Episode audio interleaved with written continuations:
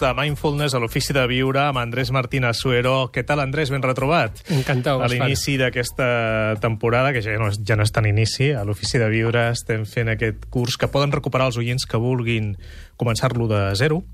A andresmartin.org trobaran tots els exercicis i les recomanacions per tal d'anar complementant cada secció i també poden escoltar cada secció independentment o totes juntes anant a catradio.cat a l'Ofici de Viure.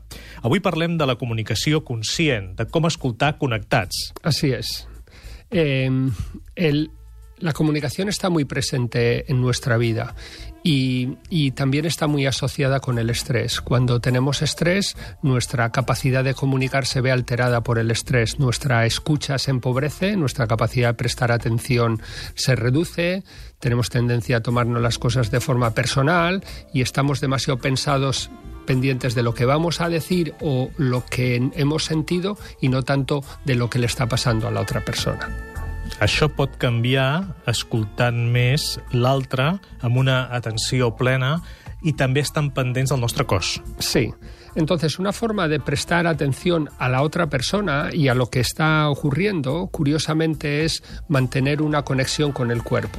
Se trata de utilizar el, el efecto de las neuronas espejo. Cuando nosotros estamos conscientes de cómo me resuena a mí lo que está diciendo la otra persona, cómo, qué estoy sintiendo cuando la otra persona habla, qué estoy sintiendo en el cuerpo, se produce un fenómeno de empatía. Y esa empatía genera vínculo, conecta con el mensaje, conecta con la otra persona y facilita mucho la comunicación. Per tant, sí, quina pràctica ens proposes? Bueno, pues eh, pro proponemos una práctica que se llama escuchar conectados. Y escuchar conectados eh, implica que como el 70% de mi atención está en lo que dice la otra persona y le estoy escuchando plenamente consciente.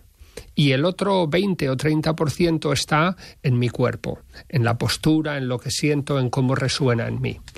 De esa forma, la escucha está más centrada en lo que dice la otra persona, en lo que siento yo, y, uno no está tan pendiente de querer interrumpir para introducir lo que uno piensa o lo que dice, sino dándole toda la importancia a lo que está diciendo la otra persona.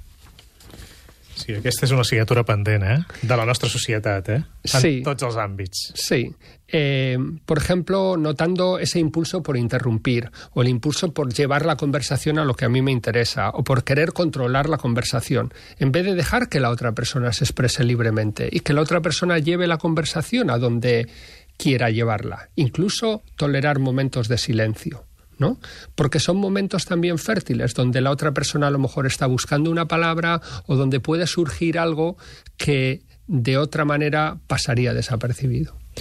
Doncs els oients que vulguin fer aquest entrenament poden anar en aquesta pàgina de l'Andrés, andresmartin.org, i allà hi trobaran les pràctiques d'aquesta setmana. Gràcies, Andrés. Fins dissabte. Gràcies, Gaspar. Un placer.